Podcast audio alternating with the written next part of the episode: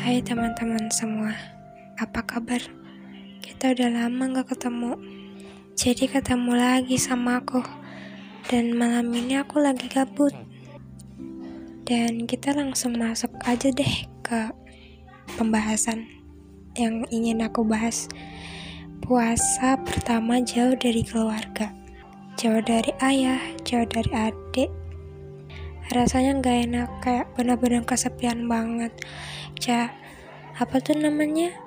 Nyari makan juga bingung mau buka pakai apa pakai sahur apa.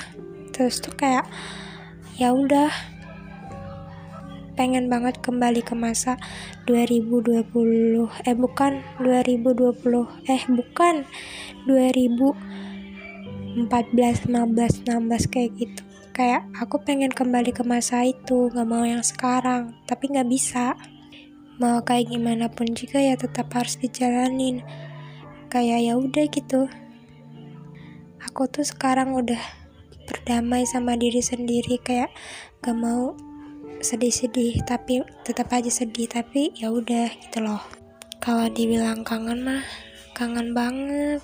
Pengen dengar suaranya pengen peluk tapi ya gak bisa. Udah jauh banget udah beda. Malah semangat ya buat anak-anak rantau. Aku tahu kok kalian pasti bisa. Bye